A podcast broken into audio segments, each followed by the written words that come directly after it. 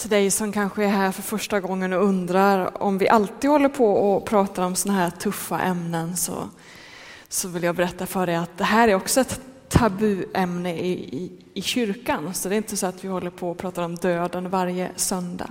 Utan vi har nu två söndagar i oktober ägnat oss åt det här som vi sällan pratar om, hur man ska närma sig döden. Och vi har kallat den här, det här temat för konsten att dö. Och förra söndagen handlade det om just det som Murray är inne på i slutet av det här filmklippet, om vikten av försoning. Och du kan lyssna på den predikan via vår hemsida om du vill i efterhand. Idag ska vi stanna upp inför det som filmen började med. Kroppen. Om eh, att döden i många fall handlar om att kroppen blir allt svagare. Och hur ska vi som kristna, du som är kristen, se på det? Vad är ett kristet förhållningssätt till kroppens nedbrytande?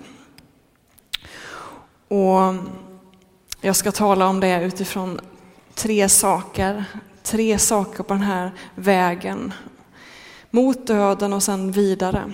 Dels just den här svagheten då. Eh, men sen också, vad händer strax efter döden? Hur ska vi som anhöriga ta avsked av den döde? Och vad tänker vi om begravningsgudstjänsten? Så det är bitarna som den här predikan kommer handla om idag. Men ska vi samla upp oss till en bön innan vi går till ordet? Jesus, vi tackar dig för att vi får vända oss till dig den här gudstjänsten. Du som gick korsets väg. Du som gick in i döden och du som också besegrade döden. Tack för att du har gått före oss och att vi aldrig är ensamma utan vi får alltid gå hand i hand med dig, även in i det som är svårt. Och tack för att du har makten att uppväcka oss igen till det eviga livet. Amen.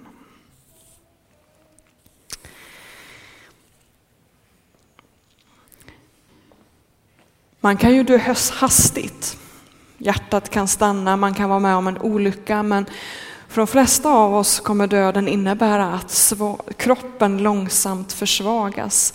Antingen genom, att man, genom ålderdom eller genom att man drabbas av en sjukdom som sakta liksom urholkar kraften.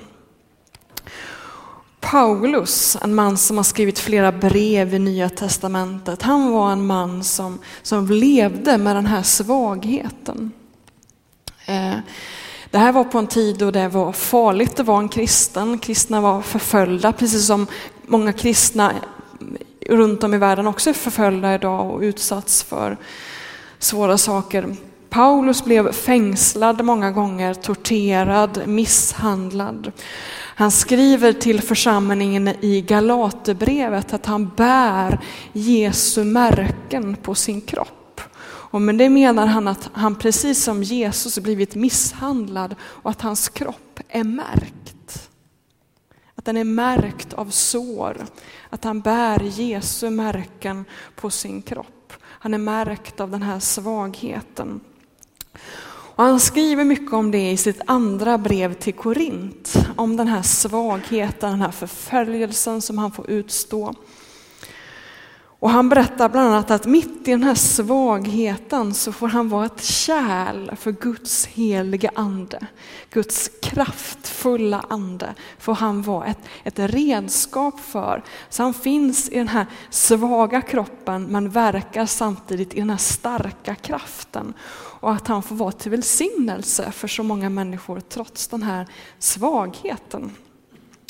Och vi hoppar rakt in nu i andra Korinthierbrevet där han berättat om just detta, att han får vara ett redskap för Guds ande. Och vi ska läsa från andra Korinthierbrevet kapitel 4, och vers 16 och så in i kapitel 5. Paulus skriver så här. Därför ger jag inte upp.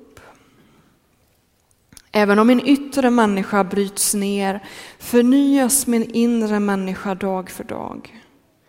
Mina kortvariga lidanden väger ju oändligt lätt mot den överväldigande eviga härlighet det bereder åt mig som inte riktar blicken mot det synliga utan mot det osynliga.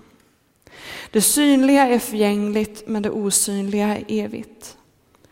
Vi vet att då det tält som är vår jordiska boning rivs ner har Gud en byggnad åt oss i himlen.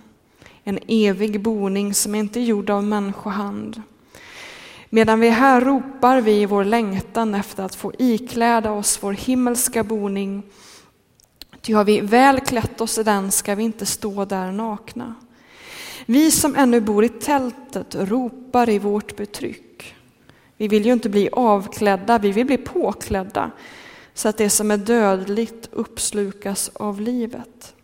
Gud har själv skapat oss just för detta och som en borgen har han gett oss anden. Här liknar Paulus våra kroppar som vi har nu som tält. Och han menar att i mötet med döden så är det ett avklädande. Det här tältet rivs ner, förstörs. Och att det är jobbigt, för vi vill inte bli avklädda, vi vill inte stå där nakna. Vi vill inte vara utan tält. Men så säger Paulus att när vi väl har liksom passerat det stadiet så har Gud en byggnad åt oss i himlen, det vill säga en ny kropp som är mycket mer stabilare än den vi har nu. Han liknar vår kropp vi har nu vid ett tält och den kropp som väntar oss som en byggnad. Men han säger att det här liksom bytet av byggnad, från tält till byggnad, är ett smärtsamt byte. Och att det också ger oss ångest.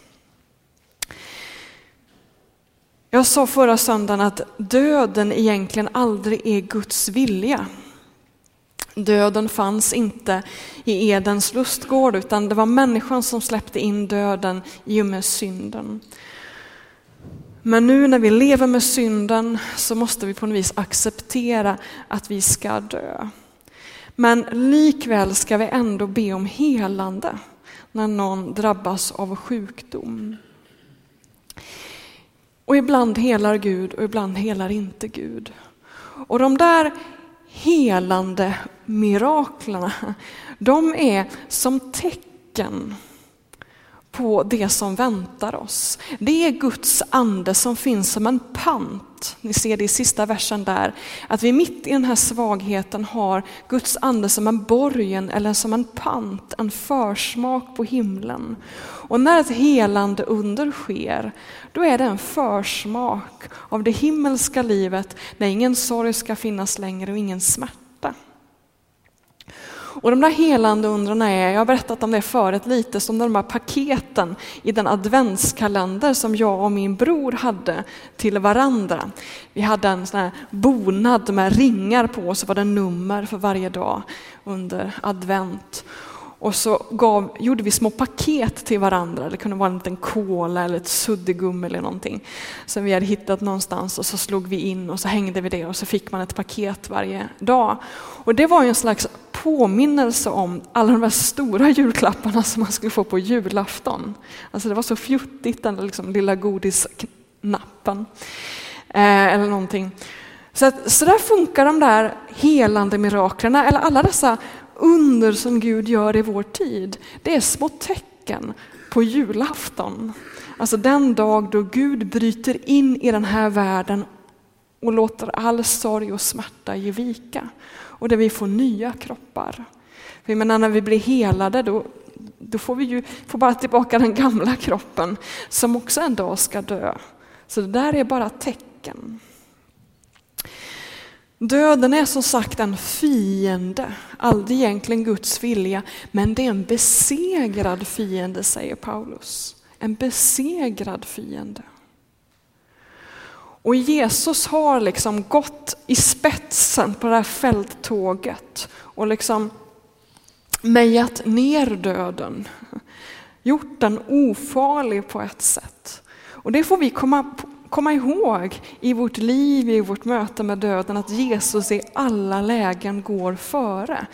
Som kristna så får vi gå tillsammans med Jesus och vi får gå efter Jesus. Han är alltid med oss vad som än händer.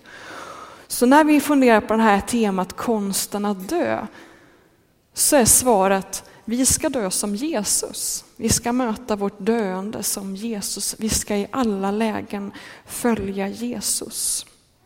Och då är frågan, hur mötte han den här svagheten då? Det här avklädandet? En av de saker som den här svagheten innebär är just detta som Maury är inne på i filmen, att vi blir beroende och tvingas ta emot hjälp. Och det är ju någonting som vi inte bara ska liksom göra i mötet med döden, utan ett gott mänskligt liv handlar om att kunna ge hjälp och kunna ta emot hjälp. Det är ett gott mänskligt liv att finnas i det där samspelet. En del av oss är rädda för det och vill alltid vara den som hjälper alla andra. Men ett gott mänskligt liv handlar om att kunna leva i det här samspelet och i beroende. Men när man ligger för döden, då, då blir man allt mer den här svagare parten i det här samspelet. Och en del av oss är rädda för att bli en börda för andra. Jag möter människor som säger det ibland, jag vill inte bli en börda för mina anhöriga. Och saken är den att det måste vi acceptera. Att vara i den posten, i den rollen, att vara den som tar emot mycket hjälp. Och där kan vi komma ihåg Jesus. Han var, är världens frälsare. Han är den starkare parten i det här samspelet. Men efter att han hade förhörts, efter att han hade misshandlats och skulle gå till Golgata och skulle bära det här korset, avrättningsredskapet, så orkade han inte det. Och soldaterna tvingade någon som hette Simon från Kyrene, som kallades Simon från Kyrene, att bära korset åt Jesus. Och där blev Jesus faktiskt en börda för Simon. Någonting värt att komma ihåg, att till och med Jesus fanns i det samspelet. Du får komma ihåg Jesus i den sitsen och veta att han som var världens frälsare också tog emot hjälp från andra. Och då får du göra det också. Och jag tror att Simon kanske just där och då tyckte att det här var bedrövligt, att han precis blev haffad och avbruten och det tog tid och det var jobbigt och det var obagligt. Men sen efteråt, när han kanske lärde känna kyrkan och lärjungarna fick veta vem denne var, så tror jag att han var tacksam över att han fick vara med och hjälpa till. Och det tror jag att de som hjälper dig också kommer få känna en tacksamhet, även om det mitt i stunden kan kännas som en börda. Så beröva inte dina anhöriga nåden att faktiskt få hjälpa till.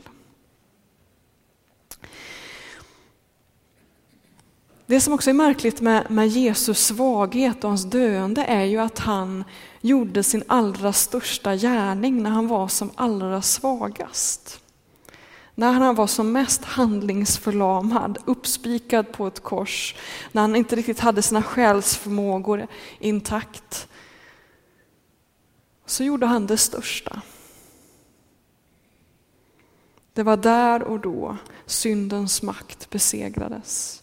Och det får vi komma ihåg i en tid då man inte ser eller inte vill välkomna barn med down syndrom till världen, där man inte ser värdet i ett liv där man inte kan gå. Alla kan vara till nytta, även den som är förlamad. Den som ligger på US sängbunden kanske gör större nytta med sina böner än vad du gör som springer runt hela dagarna och fixar och grejer. Vi som tror på Jesus, eller du som tror på Jesus, måste tänka annorlunda om livet. Jesus gjorde sin allra största gärning när han var som allra svagast. Och det får vi komma ihåg.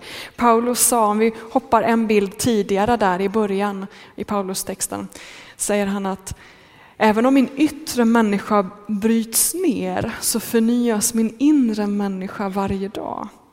Paulus fanns i den här paradoxen i att hans yttre människa Alltså hans kropp blev allt svagare, allt mer märkt av misshandeln och också av ålderdom. Medan hans inre människa levde i en ständig förnyelse. Paulus säger i Filipperbrevet att han, han lever i den här längtan, han säger jag vill lära känna Jesus. Han levde i en ständig förnyelse och växte i andlig styrka. Det är någonting som inte sker automatiskt genom att man blir äldre, utan det är någonting som du måste arbeta med. I vår tid så, så, så är det väldigt upphåsat kring det här med fysisk träning, att liksom vaka på sin, sin fysiska styrka. Och vi lägger mycket tid på det. Men vi måste också komma ihåg att träna andligen. Att ägna tid åt andlig träning, i bön, i bibelläsning, i missionsarbete, det är andlig träning som kan göra dig starkare i mötet med svårigheter och prövningar och sjukdom och död. Det är också viktigt och det sker inte automatiskt bara för att du blir äldre. Utan det är någonting du måste leva i. Och att träna sig andligen handlar om att träna sig i att ta emot hjälp, att träna sig i att inte bara bära sina egna böneämnen hela tiden inför Gud, utan faktiskt gå till någon av förebedjarna och säga hjälp mig att be för det här. Det är ett sätt att träna sig, att inte vara så supersjälvständig hela tiden. Att faktiskt öppna upp och dela med sig av sina bekymmer. Det kan hjälpa dig den dagen du, du också blir beroende av andra i, i, i din hygien till exempel. Du kan träna redan nu genom att gå till förebedarna och berätta om ditt bekymmer. Att kliva ner från din självständighet. Ett sätt att träna andligen är också att, att släppa in den heliga ande allt mer i sitt liv den helige andes böner. För när man är fysiskt svag, plågas av sjukdom, så är det inte alltid att man klarar av att formulera böner. Man kanske inte orkar läsa Bibeln. Och då har vi Guds heliga ande som ber i oss. Vi ska läsa från Romarbrevet 8. Eh, där står det så här. På samma sätt är det när anden stöder oss i vår svaghet. Vi vet ju inte hur vår bön egentligen bör vara, men anden vädjar för oss med rop utan ord. Och han som utforskar våra hjärtan vet vad anden menar, eftersom anden vädjar för de heliga så som Gud vill. Vi får i denna tiden ge mer och mer utrymme för den heliga Ande så att den heliga Ande kan vädja för oss den dagen vi inte orkar be själva. Ett sätt är också att be, lära sig att be med kroppen, att låta kroppen vara en bön till Gud. Man kan liksom hålla ett kors i handen och bara liksom viska smärtornas man, smärtornas man. Vilket är ett namn på Jesus. Det är ett sätt att be när man har så ont så att man inte klarar av att formulera böner med intellektet. Att bara klamra sig fast vid Jesus på det sättet. Det är också ett sätt att be. Detta med svagheten handlar ju inte bara om att kroppen blir svag, utan det som många av oss fruktar är ju att också förståndet blir allt svagare och att vi kliver in i en förvirring. Och att vi också att, att, att, att, döden innebär det som Paulus säger, alltså det är ett avklädande, vi blottas både fysiskt och psykiskt. Och det är jobbigt, det är tufft att finnas i den utsattheten och vi är rädda för det. Också där får vi komma ihåg Jesus. Vi vet egentligen inte exakt hur korsfästelsen ägde rum. Eh, det kom en uppmärksammad avhandling av en Hönebo för många år sedan som togs upp på CNN och det var över hela världen. Där han har just forskat om detta, att, att vi vet egentligen inte så mycket. Vi har inte många historiska källor på hur korsfästelsen ägde rum. Och den kristna konsten börjar avbilda Jesus på korset långt senare efter att, efter att romarna hade avslutat med det här straffet. Antagligen var det så hemskt att man liksom ville inte måla det på tavlor. Men vi har blivit så vana vid den bilden av Jesus på korset. Och där framställs han ju som naken. Och då får vi komma ihåg att det här är ju i en kultur som liknar den kultur som finns i Mellanöstern fortfarande idag. Där man liksom inte visar så mycket bar hud. Enorm skam att bli uppvisad på det sättet. Det var också en del av Jesu lidande, att bli blottad på det sättet. Därför vi också komma ihåg att Jesus har gått före i det här avklädandet. Men vi, när vi ser den bilden så ser vi något fromt och någonting vackert, men det är det inte. Det är en bild fylld av skam. Och det har vi ju i skriften, att man faktiskt berövade Jesus hans kläder. Det är en av de sakerna som står där. Om man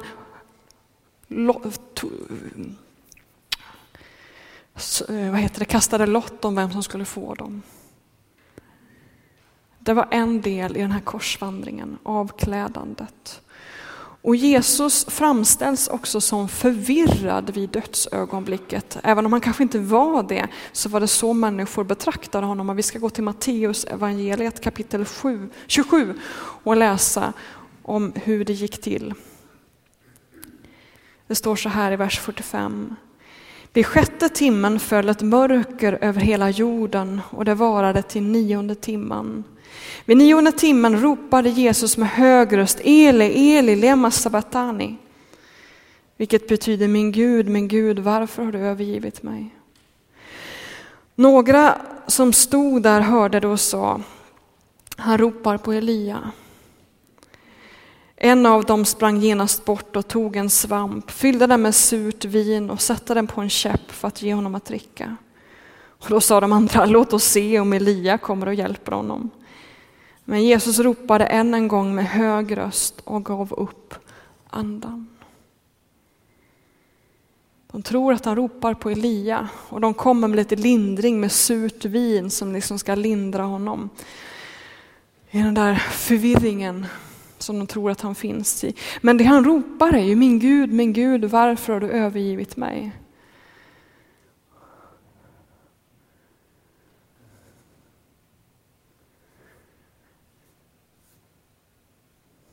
Det är en,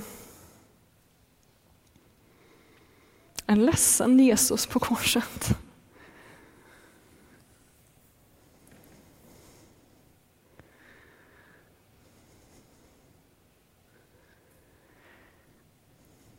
Döden innebär ett avklädande, fysiskt och psykiskt. Och där har Jesus gått före.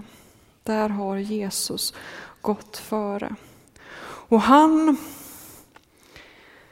fixade detta för att han bottnade med sin självkänsla i att han visste att han var älskad av Fadern. Även om alla andra runt honom hånade honom, skrattade åt honom, spottade på honom, så visste han, Fadern vet vem jag är och Fadern älskar mig. Vid förhöret, när man förlöjligar honom, så säger han ingenting. Han är bara tyst. Men till sist säger han, ni ska få se Människosonen komma med himlens moln i Faderns högra sida. Han är trygg i det, att Fadern kommer upprätta mig ur allt detta. Fadern har en byggnad åt mig i himlen som är min. Det fick han komma ihåg i sitt avklädande. Vad bottnar du med din självkänsla i? Är det viktigt för dig att hålla upp den här fasaden av styrka, att du är den som hjälper alla andra?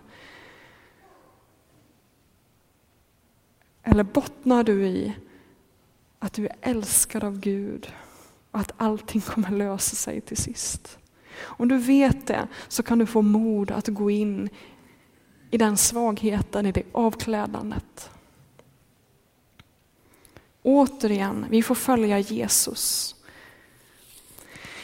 Det som skrämmer oss i detta avklädande är ju att vi blir så beroende av våra anhöriga. Och så här skriver Pekka Mellegård som var här igår på Gubbröra. Eh, Jag har fått tillsammans med några andra skriva en bok som heter Sjukdom och helande som är utgiven på Libris. Där flera författare skriver på det här ämnet och då skriver han så här i sitt kapitel. Pekka Mellegård är läkare och var tidigare rektor för Örebro Missionsskola. Framtidens stora utmaning på hälsoområdet handlar inte om att genom förbön låta ett begränsat antal människor bli helbrägdagjorda, även om det vore fantastiskt att få se detta ske.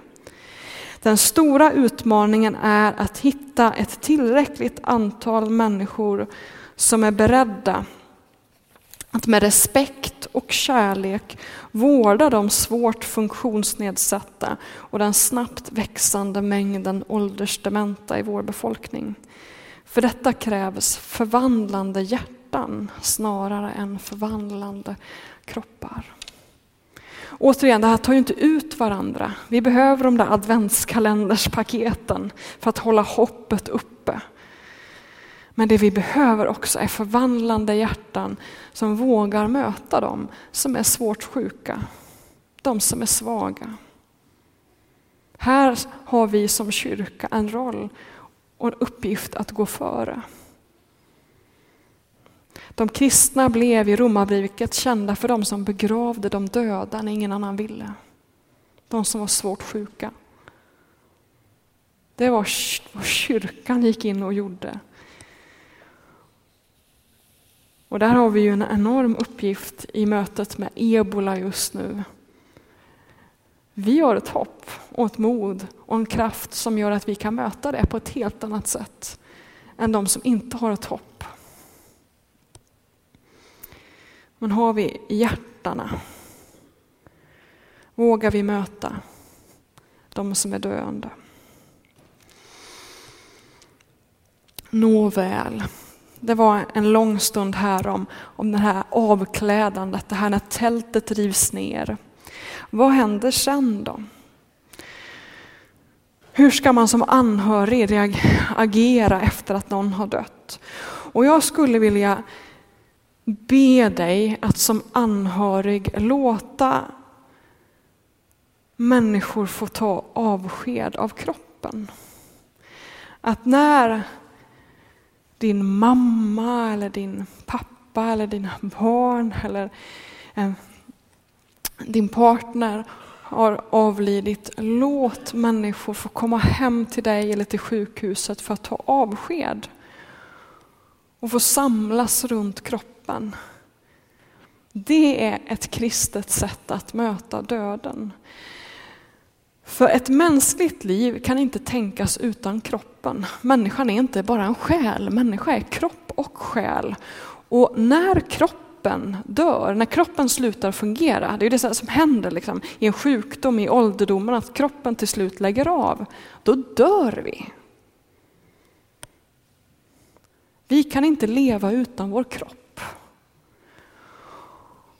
Och att samlas runt den som har dött och få ta avsked av kroppen är ett sätt att erkänna att kroppen är viktig, att kroppen är helig.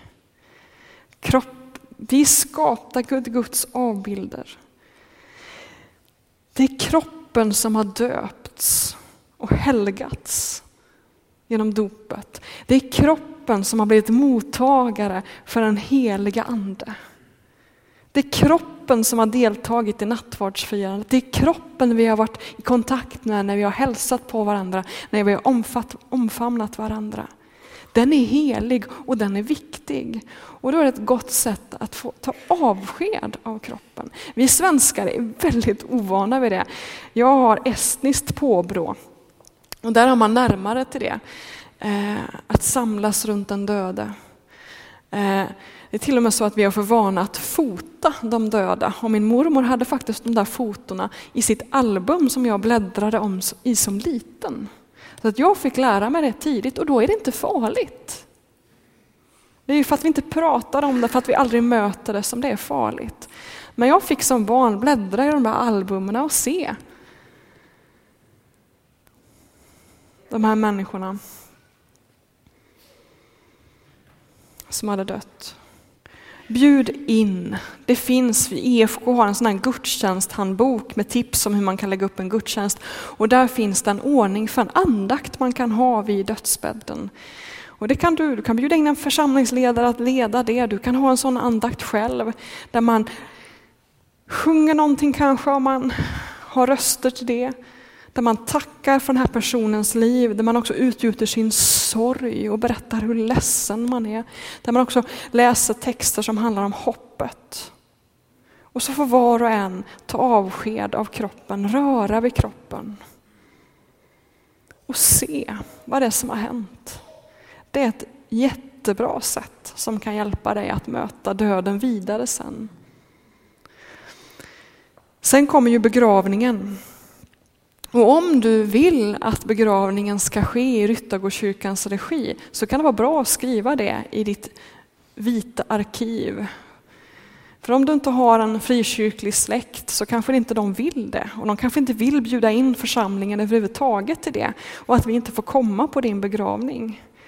Skriv dina önskemål i ett vitt arkiv. Begravningsgudstjänsten är ju en samling, och nu är det kort om begravningen bara, är ju en gudstjänst som är präglad både av sorg och glädje. Och jag var inne på det förra söndagen också, att vi som kristna också måste sörja.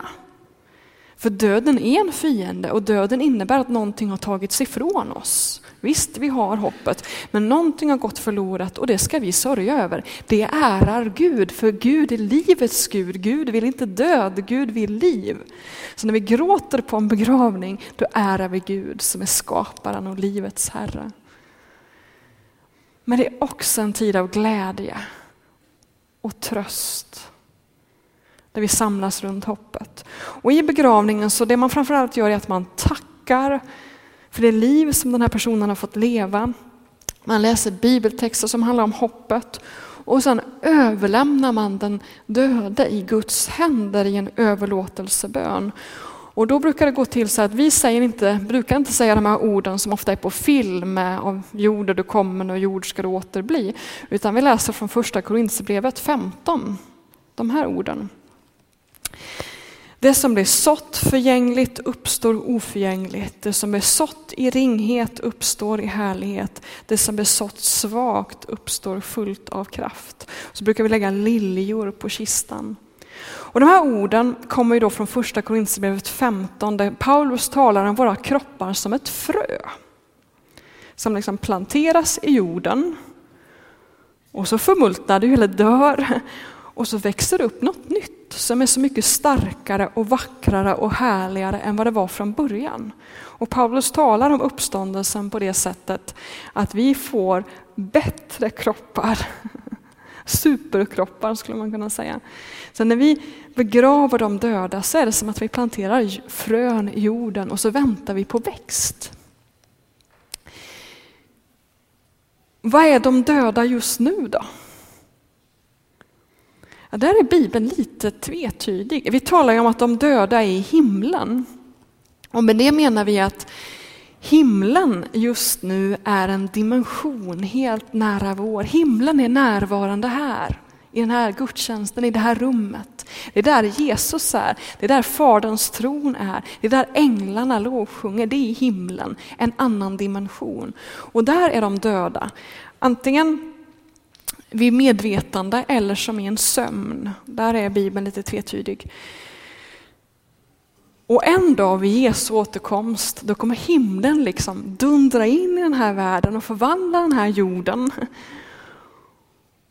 De här dimensionerna liksom glider samman och då kommer också de döda att uppstå. Och få nya kroppar. Så det är inte så att när man dör så hamnar man liksom till himlen eller till helvetet med en gång, för de platserna finns inte riktigt på det sättet ännu, utan det är framtida. Om du vill läsa om detta så får du gärna läsa en bok som heter Ännu bättre av Tom Wright, eller Mikael Telbes senaste bok som jag är osäker på om den heter Tillbaka till framtiden. Eh, den tar upp en massa andra saker också, men ger en del svar på det här, vad Bibeln säger om döden och om himlen och så. Så det finns massa att läsa. Till sist, i centrum för vår tro finns en man. Det finns en Gud som blev människa, som gick lidandets väg, som blev avklädd och naken och mötte döden för oss. Han gjorde döden om intet. Han blev begravd precis som vi. Nikodemus och en man till eh, var med och, och, och begravde honom. Och så uppstod han igen på tredje dagen. Och den som förenas med Jesus genom tron och dopet får gå samma väg, får göra den resan tillsammans med Jesus. Därför behöver vi inte vara rädda. Vi får hålla i Jesus och veta att han går före. Han går före. Och så får vi bli lärare i konsten att dö. Det finns en värld här ute som har noll resurser i att möta detta. Och där måste vi våga bryta det tabut och gå före. Och bli lärare i konsten att dö. Och den som är vår mästare på den vandringen, det är Jesus. Han är vår mästare, han är vår lärare, han har gått före. Och vi får följa honom. Låt oss be en bön innan vi får lyssna till Harmoni som sjunger en sång för oss och sen så ska jag bjuda in till de olika bönestationerna som finns. Men vi ber. Tack Jesus för att du har gått före. Tack för de bibeltexter vi har som får vägleda oss på den här vandringen. Och jag ber för var och en av oss att vi ska vara redo i mötet med döden. Att vi ska ha försonats med dig och vår nästa. Men också att vi ska ha lärt oss att bli den som tar emot hjälp. Hjälp oss att hantera vår kroppsliga svaghet på ett kristet sätt. Och låt oss i i detta avklädande få en ande, en själ som ständigt förnyas. Låt oss få leva i en sån ständig andlig träning. Hjälp oss att prioritera rätt. Och vi ber för dem som i vår församling och i vår närhet just nu ligger för döden. Gå till dem med din ande, med din tröst, med dina änglar och giv dem frid och ge oss alla frid med det vi bär, om, bär på just nu, vad det än är. I Jesu namn. Amen.